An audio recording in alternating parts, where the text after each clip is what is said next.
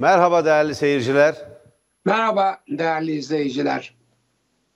Hocam yine gayet iyi görünüyorsunuz. Ee, artık sizi stüdyoya da alalım bundan sonra. Valla e, sevgili Yanardağ e, başta siz olmak kaydıyla Tele1'in dikkati, anlaşmaları, sağlığa verdiği önem ve arkadan da tabii sağlık personelinin e, dikkatli destekleriyle sağlığıma kavuştum gibi geliyor bakalım. Tabii daha henüz bu perşembe Gayet- bir gayet iyi görünüyorsunuz hocam. Var. Evet, çok ben size teşekkür ediyorum ve sağlık personeline. Gene bugün İstanbul Büyükşehir Belediyesi'nin bir sağlık personeli Evet, doktoru maalesef. vefat töreninde maalesef konuşuldu. Kendisine gani gani rahmet eyliyorum ve rahmet diliyorum ve lütfen lütfen iktidarı bu sağlık personeline destek vermeye davet ediyorum. Hala gerekli adımları atmadılar çünkü. Evet hocam çok haklısınız. Hocam dün, e, şimdi bugün biz ana haberde bir e, konuyu değerlendirdik. Aslında 2019'da e, yaşanmış bir olay.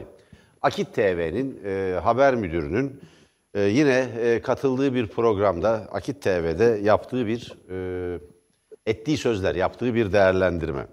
İzlediniz Dehşet mi verici. bilmiyorum ana haber bültenini. İzledim, izledim. Evet. Dehşet verici, Evet, dehşet şimdi verici. Hocam günlerdir, günlerdir Ali Mahir Başarır'ın satılmış ordu e, dediğini e, iddia ederek e, Türkiye'de adeta bir tırnak içinde ifade ediyorum bir terör estirdiler. Herkes ağzına geleni söyledi.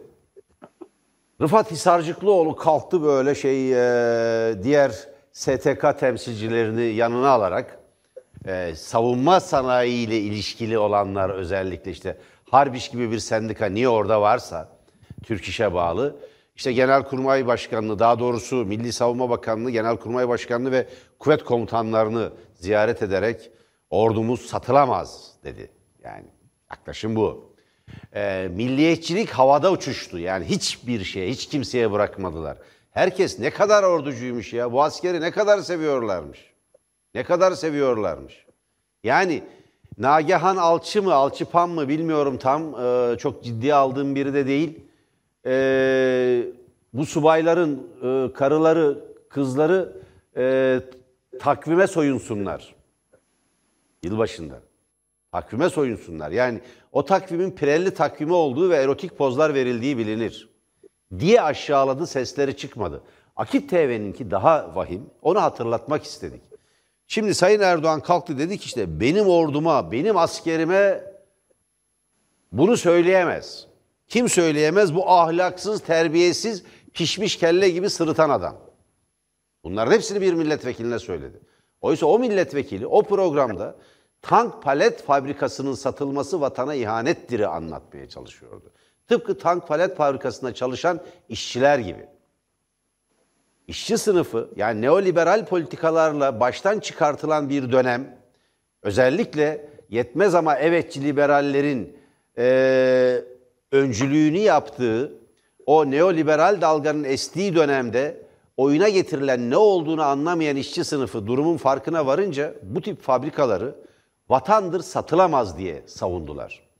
Ali Mahir Başarır'ın işaret ettiği olgu buydu. Peki ne demiş bu? Ee, Akit TV'nin haber müdürü. Omuzu çatal bıçak seti gibi kalabalık generaller var ya. Omuzu çatal bıçak seti gibi kalabalık şimdi ifadelere bak. Var ya hepsi Erdoğan'ın arkasında oynaya oynaya eşek gibi saf tutacaklar, tutuyorlar diyor. Geçen sene. Siz hocam hiç Dehşet, dehşet, hiç dehşet. hiç ortalığın Dehşet. ayağa kaldırıldığını gördünüz mü o Hisarcıklıoğlu Rıfat Efendi? Yanına Dehşet. heyeti alıp gidip orduya ya size eşek diyemezler dediğini duyduk mu? Ya AKP'liler? Ya peki Genelkurmay Başkanı ve daha sonra işte şu anki Milli Savunma Bakanı Hulusi Akar'ın siz kim oluyorsunuz, kime eşek diyorsunuz diye çıkıp konuştu mu? Ben buradan Sayın Erdoğan'a da seslenmek istiyorum. Sayın Erdoğan benim orduma, benim askerime diyemezsiniz dedi. Sizin ordunuz, madem sizin ordunuz ve sizin askeriniz onlara eşek dediler, eşek. Bir babanın evladını severken işte eşek filan dediği gibi değil. Eşek bildiğin hayvan dediler. Eşek gibi. Oynaya oynaya arkasında saf tutacaksınız. Nasıl bir kimmiş bu ya? Ne bitmez tükenmez bir kimmiş. Nedeni belli. Çünkü bu ordu emperyalizme karşı ilk ulusal kurtuluş savaşlarından birini verdi ve Cumhuriyet'in kurucu kuvvetlerinin içinde ana aksı oluşturur, ekseni oluşturur. Ama bugün iktidarda olanlar bu milletin kurtuluş savaşının savaşına katılmayan, onun karşısında yer alan, sarayın yanında olanlardır. Çünkü sadece bir bağımsızlık savaşı değil, o bir Anadolu ihtilali, o bir devrim, o bir cumhuriyet devrimiydi. Onlar Yunan kazansaydı daha iyi olurdu diyenlerin tarafında çünkü. Oradalar. Bu nedenle yani artık teslim olmuş, demek ki iktidarın ordusuna dönüşmüş, milli bir ordu olma hüviyetini korumak gerekirken bir e, silahlı kuvvetlerin mensuplarına bile eşek gibi oynaya oynaya saf tutacaksınız. Gördünüz mü? Sizi nasıl dize getirdik? Sizi nasıl ezdik diyen bir kafa var ortada. Doğru ve maalesef bu topraklarda medrese ile harbiye arasında 200 yılı aşkın bir mücadele vardır. Burada harbiyeden kastedilen harbiye aydınlanmanın temsilcisidir. Modernitenin temsilcisidir. Kaçınılmazdır bu da. Çünkü mektepli olanlar, ilk mektepler askeri amaçlarla açılmıştır. İlk okullar yani batılı anlamda, modern anlamda ilk okullar askeri amaçlarla açılmıştır. Mesela ilk veteriner fakültesi askeri baytar mektebidir. Tıbbiye o amaçla kurulmuştur. Çünkü yenilginin sebebinin, gerilemenin sebebinin, Osmanlı'nın çöküşünün nedeninin askeri alandaki yetersizlik olduğu sanıldığı için kaçınılmaz olarak oralara yatırım yapılmış ve ilk batılı anlamda okullar askerlik üzerinden kurulmuştur. Dolayısıyla Osmanlı ilk aydınları asker kökenlidir. Ve bu nedenle zaten işte Cumhuriyet'in kurucuları da genellikle aydın askerlerdir. Onlar şeyi aydınlanmayı, moderniteyi temsil ederler. Evet, medreseyle harbiye arasındaki mücadeleyi şimdilik medrese kazanmış görünüyor. O yüzden eşek gibi oynuyor oynuyor arkasında saf tutacaksınız dediği zaman bu ülkede çıt çıkmıyor. Daha doğrusu milletten çıkıyor ama RİTÜK'ten çıt çıkmıyor. Milli Savunma Bakanlığı'ndan çıt çıkmıyor. Genel Kurmay'dan çıt çıkmıyor. İktidar partisinden çıt çıkmıyor. MHP'den çıt çıkmıyor. Olay budur. Buyurun hocam. Şimdi tabii e, çok e, inanılmaz bir e, garip ikili dünya içinde mahpus kaldık, hapsedildik. İkili bir dünyaya hapsedildik. Bütün Türkiye olarak konuşuyorum. Bütün Türkiye, bütün Türk milleti, bütün seçmen 80 milyon olarak konuşuyorum. 80 milyon ikili bir garip dünya içine hapsedildi. Dünyalardan biri gerçek bir dünya. Bu dünyada insanlar ölüyor. Bu dünyada insanların ölmesini önlemekle yükümlü olanlar o ölen insanlara yalan söylüyorlar. Ölenlerin sayılarını gizliyorlar. O dünyada sadece insanlar hastalıktan ölmekle kalmıyor. Açlıkla boğuşuyorlar. Ama o dünyada o açlığı önlemekle yükümlü olanlar insanlara ekonominin uçtuğunu, dünyanın Türkiye'ye büyük bir gıptayla baktığını söylüyorlar. Böyle ikili bir dünya. Birinde yaşanan trajediler, ölümler, açlıklar, geçim dertleri ve orada bütün bu sorunları çözmesi gerekenlerin söylediği bir başka gerçek olmayan dünya, ikinci dünya. Uçan bir Türkiye. Her an, her türlü kararı en etkin biçimde alan bir Türkiye gemisine el konduğu zaman 5 saat ses veremeyen bir Türkiye'yi tribünlerden seyretmeyeceğiz, sahaya ineceğiz diyerek anlatan bir bir dünyanın bir dünyanın Türkiye'si. Bu dehşet verici bir şey. Bu bu e, bireysel düzeydeki şizofreninin toplumsal bir şizofreni, bir şizoid hastalık haline gelmiş olmasıdır. Bu 80 milyonun yaşadığı gerçekler, dünya başka bir dünyadır. Bizi yönetenlerin ve bu dünyanın birinci derecede sorumlusu olan, ayağımıza taş değse onun sorumlusu olanların bize anlattıkları, bize empoze ettikleri, bize inandırmaya çalıştıkları, inanmayanları dövdükleri, sövdükleri, hapse attıkları, cezalandırdıkları bir dünya. Böyle bir şey olamaz. Türkiye bir şizofren toplum haline getirilmiştir. Çünkü herkesin yaşadığı gerçekler bir yana, bu gerçeklerin sorumlusu olanlar bambaşka bir dünyada öte yanda ne olduğu bilinmeyen bir elleri yağda bir elleri bağda aldıkları aldıkları paraları güya hasena e, bilmem iyilik bir iyilik ve iyilik ve yardım için hayır ve hasenaya harcadıklarını iddia eden bir takım e, bir takım görevliler diyelim. Ne oluyor sonunda? Bir ülkenin, bir toplumun iradesinin, egemenliğinin en önemli göstergesi olan bütçe, bütçe parlamentoda değil, seçilmiş biri tarafından değil, bir parlamenter tarafından değil, atanmış biri tarafından getiriliyor ve o milli egemenliğin sahibi olan parlamentoya atanmış biri tarafından, o parlamentonun üyesi olmayan birisi tarafından sunuluyor ve bırakılıp gidiliyor. Ve o o bütçedeki hiçbir sayının, hiçbir oranın ciddiyeti, gerçekliğini sorgulamak hiç kimseye de nasip olmuyor. Çünkü o bütçeyi yapanlar seçilmişler değil, atanmışlar ve o atanmışlar seçilmişlerin hiçbir sorusuna yanıt vermiyor. Aynı şey yönetimde. Türkiye'yi yönetenler maalesef seçilmişler değil, atanmışlar. İşte sizin ana haberde bugün uzun uzun anlattığınız, e, üzerinde durduğunuz içki yasa. İşte benim, benim önümde şimdi bir tebliğ tebellü tutanağı var. Tebliğ tebellü tutanağı. Ankara İl Emniyet Müdürlüğü'nün 6-12-2020 sayılı bilmem kaç şey, tarihli bilmem kaç sayılı koronavirüs tedbirleri bağlamında diye başlayan ve açık açık açık kalmasına izin verilen yerlerden içlerinde alkol satan iş yerlerine sokağa çıkma kısıtlaması süresince alkol ürünü satamayacakları tebliğ edilecektir yazan bir tebligat. Yani Türkiye Cumhuriyeti'nin başkentinde korona ile mücadele için konulan karantinada bir emniyet müdür, müdürlüğü, müdürü, müdürlüğü veya onun üstündekiler veya altındakiler veya yanındakiler kurum içki satışını yasaklayabiliyor. İçki satan yerlerin içki satmasını bile yasaklayabiliyor ve bunu tebliğ ediyor resmen.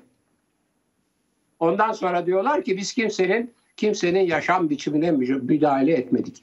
Bu bu ikili bir dünya. Bu ikili bir dünya. Bir bizim yaşadığımız bir dünya, bizim gördüğümüz, öldüğümüz sağlık emekçilerinin canları bağısına bizi korumak için mücadele ederken şehit oldukları bir Türkiye.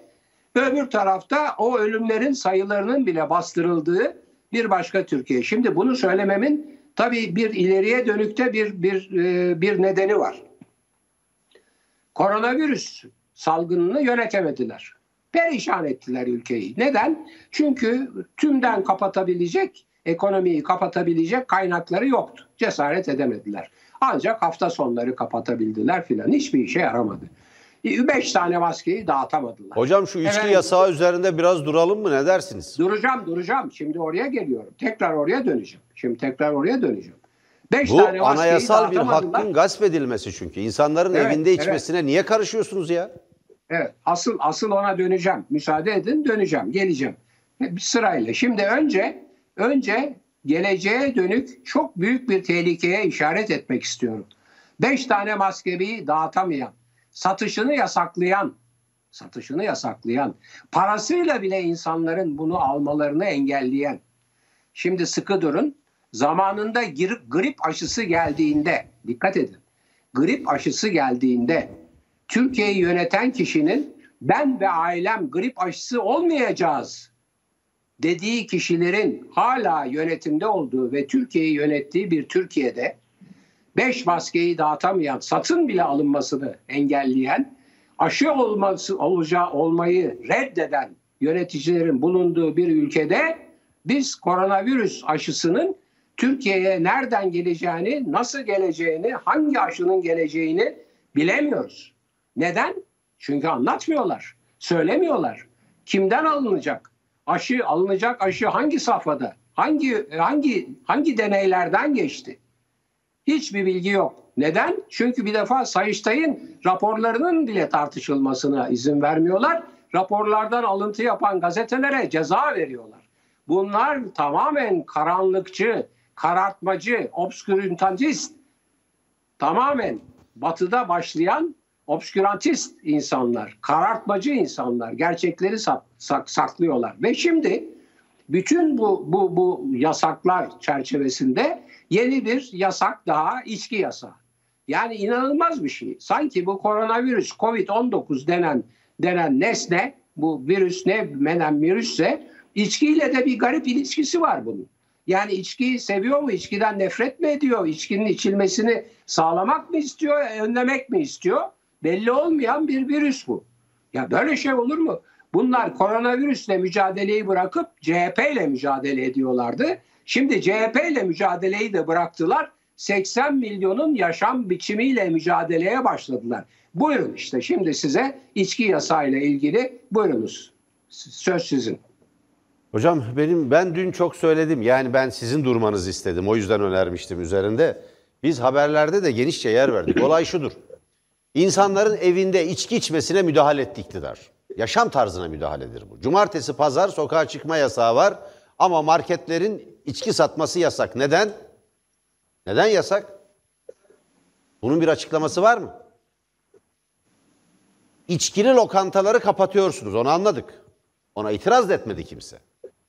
Ama marketlerden, bakkallardan ve tekel bayilerinden niye içki satışını yasaklıyorsunuz? Niye insanların yaşam tarzına müdahale ediyorsunuz? Niye insanların evinde de içki içmesini engellemeye kalkıyorsunuz? Neden? Bu tamamen tipik bir selefi anlayıştır. Bu siyasal İslamcı hareketin insanların yaşam tarzına ve özgürlüklerine müdahaledir. Hiçbir gerekçesi yok. Peki kolonyayı da yasaklayacak mısınız? Mesela birisi de kalkar der ki hocam tam tersine. Dezenfektan ürünlerinin neredeyse tamamına yakınının özünde şey var, alkol var. Alkol dezenfektan, dezenfektan olarak kullanılan bir e, element aynı zamanda. Doğada olan bir şey. E ne olacak şimdi? Ya böyle bir saçmalık olmaz. İsteyen içer, isteyen içmez. Buna bir devletin, bir iktidarın karışma hakkı yoktur. Bütün kamu kurumlarından içkiyi kaldırarak zaten insanların özgürlüklerine müdahale ettiler. Yaşam tarzlarına, hayat anlayışlarına müdahale ettiler. Kimse sizin yaşam tarzınıza karışıyor mu ya? Hani siz zenciydiniz, gariptiniz. Hani mağdurdunuz. Hani mağdurdunuz, dışlanmıştınız. Ne alakası var? Kaldı ki bu İslam dünyasında da bir selefi yorumdur. İslam dünyasının tamamının paylaştığı bir görüş de değildir ayrıca. Alın, Azerbaycan'ın Müslümanlığını tartışma hakkınız var mı sizin? Azerbaycan müftülüğünün fetvası var. Sarhoş olmak ve zarar vermek günahtır, içki içmek günah değildir diye. Ne yapacaksınız? Dolayısıyla insanların özel yaşamlarıyla, yaş hayat tarzlarıyla uğraşmayın. Bu özgürlüklere müdahaledir. Bu koronavirüsü bahane ederek ne ilgisi varsa bahane ederek şer'i düzen provasıdır. Başka bir anlamı yok bunun. İsteyen içer, isteyen içmez. Karışmayın insanların hayatlarına. Özgürlük talebiyle geldikleri yere bakar mısınız? Ben dün de söyledim. Biz sizin ejderha suyunuza falan karışıyor muyuz ya? Kimsenin hiçbir şeyine karıştığımız yok. Ne içip ne yediğiyle ilgileniyor muyuz biz? Ve hep söyledim. İçki içiyor diye bu, bu ülkede insan öldürüldü ama içki içmiyor diye kimse öldürülmedi. Ne yapacağız? İnancı zorla dayatmak. Şiddet uygulamak. Giderek katletmeye yönelmeye varan ve katleden Bir anlayış bir tarafta, diğer tarafta insanların yaşam tarzı var. Ne diyeceğiz biz buna? Yani sizin Taliban anlayışından, Suudi Krallığı, Orta Çağ artığı, Körfez emirliklerinden bu ülkenin bir farkı olmak durumunda. Yaşam tarzlarımıza e, müdahale ediliyor diye iktidara gelenlerin yaptığı ilk iş sinsice, kurnazca, başka bahanelerin arkasına saklanarak insanların yaşam tarzına müdahale etmek oldu. Hocam bu müdahale pazar günü, bu hafta sonu başladı. Pazar günüydü, genelgeyle iki güne çıkarttılar. Ben iktidarın, İçişleri Bakanlığı'nın içki satışının yasaklanmasıyla koronavirüs arasında bir ilişki kurmasını bekliyorum. Bunu talep ediyorum. Hangi bağ var bunu bize açıklamalıdırlar. Niye kola Bu- satışı bu- serbest de şey içki satışı serbest değil? Sokağa Hayır, çıkma bu- bu yasağı var ve konuda- zaten evinizdesiniz. Bu konuda bu konuda ben sizin bu talebinize çok katılıyorum ama e, muhatap sadece İçişleri Bakanlığı değil. Orada iki tane iki tane kurul var. Bilim Kurulu adı altında. Bilim Kurulu adı altında. Yok so- Sosyal Bilimler Kurulu'ymuş. Yok tıp tıp tıp bilimleri veya işte sağlık bilimleri kuruluymuş diye iki tane önlerinde bir pek çok ünvan olan insanların görev yaptığı iki tane kurul var. Hadi o kurullardan Sağlık Bilimleri Kurulu, doktorların olduğu kurul bu konuda bir şey söyler mi söyleyemez mi bilmiyorum ama çok meraklılarsa o Toplum Bilimleri Kurulu konuşsun bakayım. Hafta sonları içki yasağıyla koronavirüs arasında ne ilişki varmış? Yani insanların insanların kişilikleri, haysiyetleri, şerefleri, meslek ahlakları kriz zamanlarında belli olur. Kriz zamanlarında. Aynen Bu öyle hocam. içinde, politikacılar içinde böyledir. Bu meslek meslek sahipleri, avukatlar, hekimler, mühendisler için de böyledir. Bir şey daha söyleyeceğim hocam. Bir şey daha söyleyeceğim. Muhalefet bu konuda niye sessiz? Yani ya bize içkiyi savunuyor derler diye düşünüyorlarsa bu son derece yanlış. Muhalefet başta ana muhalefet partisi olmak üzere insanların yaşam tarzını savunmalıdır. Bu ülkede insanların içki içme hakkı da vardır. İster içer ister içmez. Kendi bilecekleri bir iştir. Kendi bilecekleri iştir. Gayet haklısınız. Ama muhalefetin bu konuda sessiz olması siyasal İslamcı anlayışa, orta çağ ideolojisine sonsuz bir alan açmak anlamına gelir. Muhalefet buraya müdahale etmelidir. İnsanların hakkını, hukukunu savunmalıdır. Böyle şey olmaz. İnsanların içki içme hakkını muhalefet açık seçik savunmalıdır. Aman bize din düşmanı derler, aman bize içki savunuyor derler, aman bize işte eee, insanların kutsallarına hakaret ediyor derler korkusuyla ki bunların hiçbirisi yoktur burada. Kimsenin din düşmanlığı söz konusu olmadı bu ülkede. Sadece bu konuda bir dedikodu, sadece bu konuda bir kara propaganda, sadece bu konuda bir yalan, büyük bir yalan vardı. Kimsenin dinine, diyanetine müdahale edildiği yok. İllegal cumhuriyet düşmanı bazı örgütlerin bir kısmı daha sonra teröre, terörist faaliyetlere yönelen bazı örgütlerin yasaklanmasını, Kur'an'ın yasaklanması, dine müdahale diye Allah diyemedik dediler ya bu ülkede. Kur'an okuyamadık dediler. Bir takım illegal örgütlerin evlerinde bulunan kitapların arasında Kur'an-ı Kerim'in olması, Kur'an-ı Kerim'in okunmasının yasaklanması gibi sunulmaya çalışıldı. Bu ülkenin ama, ama ilafet Evet, ama bir bu dakika ülkede- ama Hocam Ama bir bir şey dakika, diyeceğim. Hiç ama- önemli değil. Kur'an-ı Kerim'i Hayır, hilafet- haşa hilafet hilafet isteyenler hakkında hiçbir soruşturma yapmadılar ama. yapmadılar evet. Bu ülkede her evin duvarında asılıdır. Kimsenin Kur'an-ı Kerim'le, kimsenin namazıyla, niyazıyla, ibadetiyle, diniyle, diyanetiyle kimse uğraşmadı. Ama siz uğraşıyorsunuz. Bir de korona bahanesine bağlamışsınız. Nasıl bağladınız bunu? Açıklamak durumundasınız. Ve muhalefet bu konuda sessiz kalmamalıdır. Muhalefet bu konuda yurttaşlarının hakkını, hukukunu savunmalıdır. Yok sarhoş olur bilmem çevresine zarar verir. Size ne? Birine zarar verirse Hayır. bunun ceza kanununda karşılığı var. Cezası cezası var. Tabii. Başka bir şey. Tabii. O başka bir şey. O başka bir şey. Tabii. Bakın o kabahatler Evet. kanunu ya da Türk Ceza Kanunu ilgilendirir. Evet. Ama bu gerekçeyle veremezsiniz. Bu gerekçeyle yasaklayamazsınız. Şimdi bunun ben çok önemli bir test olduğunu düşünüyorum. Bize din düşmanı derler diye eğitimin imam hatipleştirilmesine ve dinselleştirilmesine karşı çıkmayan, uzunca bir süre aman bizi din düşmanı zannederler, laiklik yanlış anlaşılıyor diye laikliği savunmaktan korkan bir muhalefet anlayışıyla bu ülkede iktidara, bu iktidara karşı mücadele edilemez. Tıpkı bunun gibi bu hafta sonundan başlayıp şimdi bakın bakkallarla, marketlerle saç saça baş başa polisler gidiyor. Polis söylemiş çok net bir şekilde. Niye kapatıyorsun diyor beni. İçki satıyorsun da o yüzden diyor. Niye? Satış yasaklandı diyor. Polis. Burada büyük bir sorun var. Burada büyük bir sorun var. İçki içmemek insanların tercihidir ama bireysel tercihidir. Siz içmezsiniz. Diğeri de içer. Onun da bireysel tercihidir. Kaldı ki, kaldı ki hep anlattım. Osmanlı padişahlarının, halifelerinin, o halife ünvanlı padişahların hemen hemen tamamı içiyor. Çok Osmanlıcı ya bunlar. Buyurun hocam. Evet tabii bu e, ben bir defa sormuştum. Tam zamanı ve yeri geldi bir defa daha sorayım. Dini savunanlar, din üzerinden siyaset yapanlar şu soruya cevap versinler. Onlar Mustafa Kemal ve arkadaşlarının boyunlarına idam fermanı, idam fetvası veren Dürrizade'nin peşinden mi gidiyorlar? Yoksa Mustafa Kemal ve arkadaşları vatanı milleti kurtarmak için savaşıyorlar diyen ve onları aklayan Berekizade Rifat Efendi'nin mi?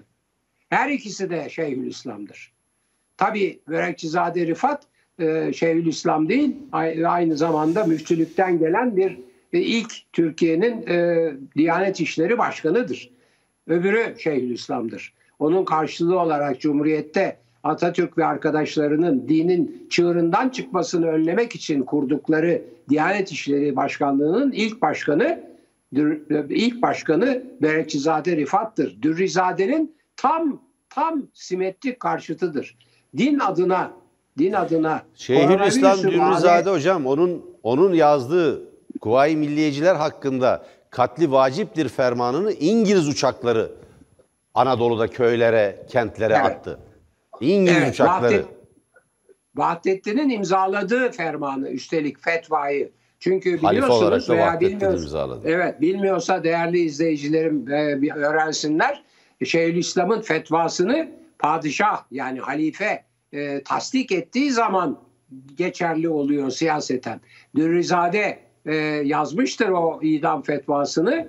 E, maalesef onu Vahdettin Sakarya Savaşı sırasında bilmem kaçıncı e, zevcesi, karısı olarak 16 yaşında kadınla yaptığı düğünün e, merasimine katılan Vahdettin de ondan önce tabii o, o fetvayı, o idam fetvasını imzalamış ve çok iyi belirttiğiniz gibi İngiliz uçakları tarafından Kuvayi Milliye güçlerinin üstüne atılmıştır.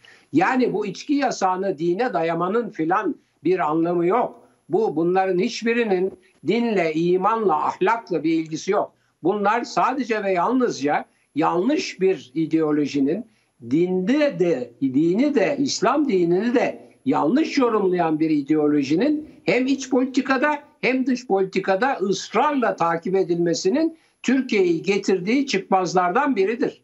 Yani ihvancı, Müslüman kardeşlerci politika Türkiye'yi Orta Doğu'da yapayalnız bırakmıştır. Bakın Mısır'la olan ilişkiler, Mısır'ın İsrail'e yakınlaşması, Mısır'ın Güney Güney Kıbrıs'la Rum devletiyle yakınlaşması, Türkiye'nin Doğu Akdeniz'deki haklarının gasp edilmesine, haklı olduğu durumlarda haksız duruma düşmesine yol açıyor. Yunanistan'la yakınlaşması öyle Mısır'ın. Yani niye Mısır'la Mısır'la Türkiye düşman oldular? Çünkü Türkiye Mısır'daki İvan yani Müslüman kardeşler politikasını destekledi. Şimdi aynı şeyi Libya'da yapmaya çalışıyorlar. Ne oluyor sonunda tabii? Dış politikada da yanlış yapıyor, iç politikada da yanlış yapıyor. Çünkü Türkiye ne o e, dış politikada takip ettikleri Müslüman kardeşlerin ne, ne de iç politikada takip ettikleri o koyu Arap İslam'ının, Emevi İslam'ının ilkelerine boyun eğebilecek bir ülke değildir. Değildir. Ne öyle bir ülkedir ne de öyle bir ülkedir. Türkiye Türkiye İslam toplumu çoğunluğu Müslüman olan bir toplumda laikliğin tadını tatmış. Herkesin dinini, imanını, mezhebini, inancını hürriyet içerisinde, özgürlük içerisinde, devletin koruması altında yaşadığı bir ülkenin uygarlığını tatmış ve İslam aleminde yıldızlaşmış bir ülkedir. Yıldızlaşmış. İşte İslam alemindeki diktatörler kendi varlıklarını Dürrizade'nin fetvası gibi anlayışla sürdürmeye çalışan emirlikler, krallıklar, şah, şeyhler, şahlar, şıhlar onlar Türkiye'nin bu laikliğe dayalı yıldızlaşmasını çekemedikleri için yanlış da olsa ihvan politikası kimi zaman maalesef AKP'ye destek vermekte ve Türkiye'nin canına okumaya ve öbür emperyalistlerle birlikte e, o, o değirmene su taşımaktadırlar. Bunun çok iyi anlaşılması lazım. Çok iyi anlaşılması Evet lazım. Bunun dinle, imanla hiçbir ilgisi yok. Bu yanlış bir politika, yanlış bir ideoloji, yanlış bir dünya görüşüdür. Evet hocam bir e, bugün önemli gelişmelerden biri de bu dinleme cihazları. Şimdi e, Sayın e, Kılıçdaroğlu dedi ki benim e, dinlendiğim kesin. Telefonlarımı dinliyorlar. Ailemin de benim de. E, İçişleri Bakanı Sayın Süleyman Soylu da kalktı. E, olur mu öyle şey? E, böyle şey akıl dışıdır, mantık dışıdır filan dedi. Bugün Faik Öztürk'ün söylediği gibi sorsanız savcılık sorsa yok canım ne alakası var dinlemiyoruz diyecekler zaten. Yani yasa dışı bir dinlemeden söz ediyor. Buyurun işte HDP'nin il binasından böcekler çıktı. Yani dinleme cihazları. Hamam böceği değil. Dinleme cihazları çıktı. Meclisteki üçüncü parti demokratik bir e, statüye sahip yani yasalar içinde hesapları Sayıştay tarafından, Yargıtay tarafından denetlenen, yasalar içinde faaliyet gösteren, meclis başkan vekillikleri bulunan, Türkiye Büyük Millet Meclisi'nde temsil edilen Türkiye'nin üçüncü büyük partisidir HDP. HDP'de evet dinleme cihazları, böcek diye bilinen halk arasında dinleme cihazları bulundu. Şimdi e, Türkiye'nin yani hakikaten söylediğiniz gibi hocam Türkiye bir toplumda e, bir şizoid bir yarılmanın yaşandığı bir ülke haline geldi. İkili bir hayat var. İkili bir hayat var. Yani e, bir yandan bir e, şer'i düzeni bu topluma dayatan, toplumun boğazını sıkan bir iktidar. Diğer yandan 200 yıllık, 300 yıllık modernleşme, aydınlanma birikimini içselleştirmiş toplum kesimleri var. Örneğin kadınların seçme ve seçilme hakları var bu ülkede. Kadınların izin almaksızın sokağa çıkma hakları var. Tek eşlilik var. Ve bu çoğaltılabilir. Miras hakları var. Erkeklerle eşit tanıklıkları var. O nedenle Barış Terkoğlu'nun yazısına dün işaret etmiştiniz hocam. O nedenle Barış Terkoğlu'nun adını andığı Mustafa Öztürk, Profesör Doktor Mustafa Öztürk'ün Marmara Üniversitesi İlahiyat Fakültesinden istifa etmesinin nedeni budur. Nefes alamıyorum diyor adam. Ben duvarlara tek yol İslam yaza yaza geldim. Bugün kendi camiamın içinde nefes alamıyorum. Herkes yani bana demediğinizi bırakmayacaksınız ama bu ülke Mustafa Kemal Atatürk'e minnettardır diyor. Geldiğimiz yere bakın. Ve hakkında fetva çıkarttılar. Aforoz edecekler. Tıpkı Engizisyon hukuku gibi onu aforoz etmeye kalkıyorlar. Ben balık tut tutacağım, ben teslim oldum. Teslim oldum dediğini yani bu anlamda almamak lazım zannetmiyorum ama ya ben geri çekiliyorum tamam siz bilirsiniz. Kendi karanlığınızda boğulun gibi bir sitemle çekti ve gitti. Ve hala söylüyor. Ben Müslümanım diyor. Şimdi Evet. ülkeyi böyle bir karanlığa soktular. İnsanların ve bir yandan da mesela bugün 304 kişinin gözaltına alındığı bir Fethullahçı terör örgütü operasyonu yapılıyor. 295'i orduda muazzaf yani hala görevde subay. 200'e yakını az subay ama yüzün üzerinde yaklaşık 100 de subay var. Aralarında albay, yarbay rütbesinde olanlar bile var. Şimdi ben bunların gerçekten Fethullahçı terör örgütü üyesi olup olmadıkları konusunda emin değilim. Umarım öyledirler. Ve umarım temizleniyorlardır. Ama Bütün bu operasyonlar sanki giderek iktidarın ordusunu şekillendirmek için yürütülüyor diye önemli ve ciddiye alınması gereken iddialar var ortada. Diğer taraftan nasıl bir e, düzenek kurulmuş ki Fethullahçı çetenin önü nasıl açılmış ki hala 300 kişinin gözaltına alındığı operasyonlar yapılabiliyor. Hala bir sivil memur, Milli Savunma Bakanlığı'nda çalışan bir sivil memur bu operasyondan e, sızan bilgilere göre ordu imamı, mahrem imam diye sorgulanıyor. Ve zannediyorum, ve zannediyorum ben kişisel olarak bu operasyon gerçekten Fethullahçı çeteye yönelik olarak gerçekleştirilmiş. Öyle anlaşılıyor. 16 mahrem imamın olduğu söyleniyor. En azından verilen bilgiler bu yönde. Asıl şimdi asıl bununla uğraşılması gerekirken Akit TV'nin haber müdürü, kalkacak. Hepsi oynuyor oynaya eşek gibi Erdoğan'ın arkasında hizaya girecekler diyecek ve hakkında hala ne işlem yapıldığını biz bilmeyeceğiz. Ceza verilip verilmediği belli değil. Rütük bir ceza kesmiş mi belli değil ama Habertürk'e 5 gün program durdurma cezası verecekler. Niye? Aynı programda düzeltildiği halde Rütük derhal Habertürk hakkında verdiği programı durdurma kararını ki yarın toplanacaklar geri almak durumundadırlar. Programın sonunda çünkü bir daha net ve altı çizilerek düzeltiliyor çünkü. Sunucu da uyarıyor. Yani Rütük bunu yanlış yorumlayabilir. Bir kez daha değerlendirelim. Ne kastedildiği anlaşılsın diye. Tekrar söz veriyor. Buna rağmen ceza vereceksiniz ben merak ediyorum. Akit TV'nin o omuzu çatal bıçak seti gibi kalabalık generaller oynaya oynaya eşek gibi dizilecekler dediği diyen o haber müdürü ve Akit TV hakkında hangi işlemi yaptığınızı merak ediyorum. Evet, programın sonuna geldik. Ee, maalesef e, bu ikili dünya, bir şizofrenik e, dünyada e, eğer iktidardan yanaysanız suç işleme özgürlüğünüz var. Eğer iktidara karşıysanız normal vatandaşın özgürlüklerinden bile yararlanamıyorsunuz. Tekrar ediyorum. İkili bir dünya yarattı bu iktidar. Bir, bizim içinde yaşadığımız gerçek dünya.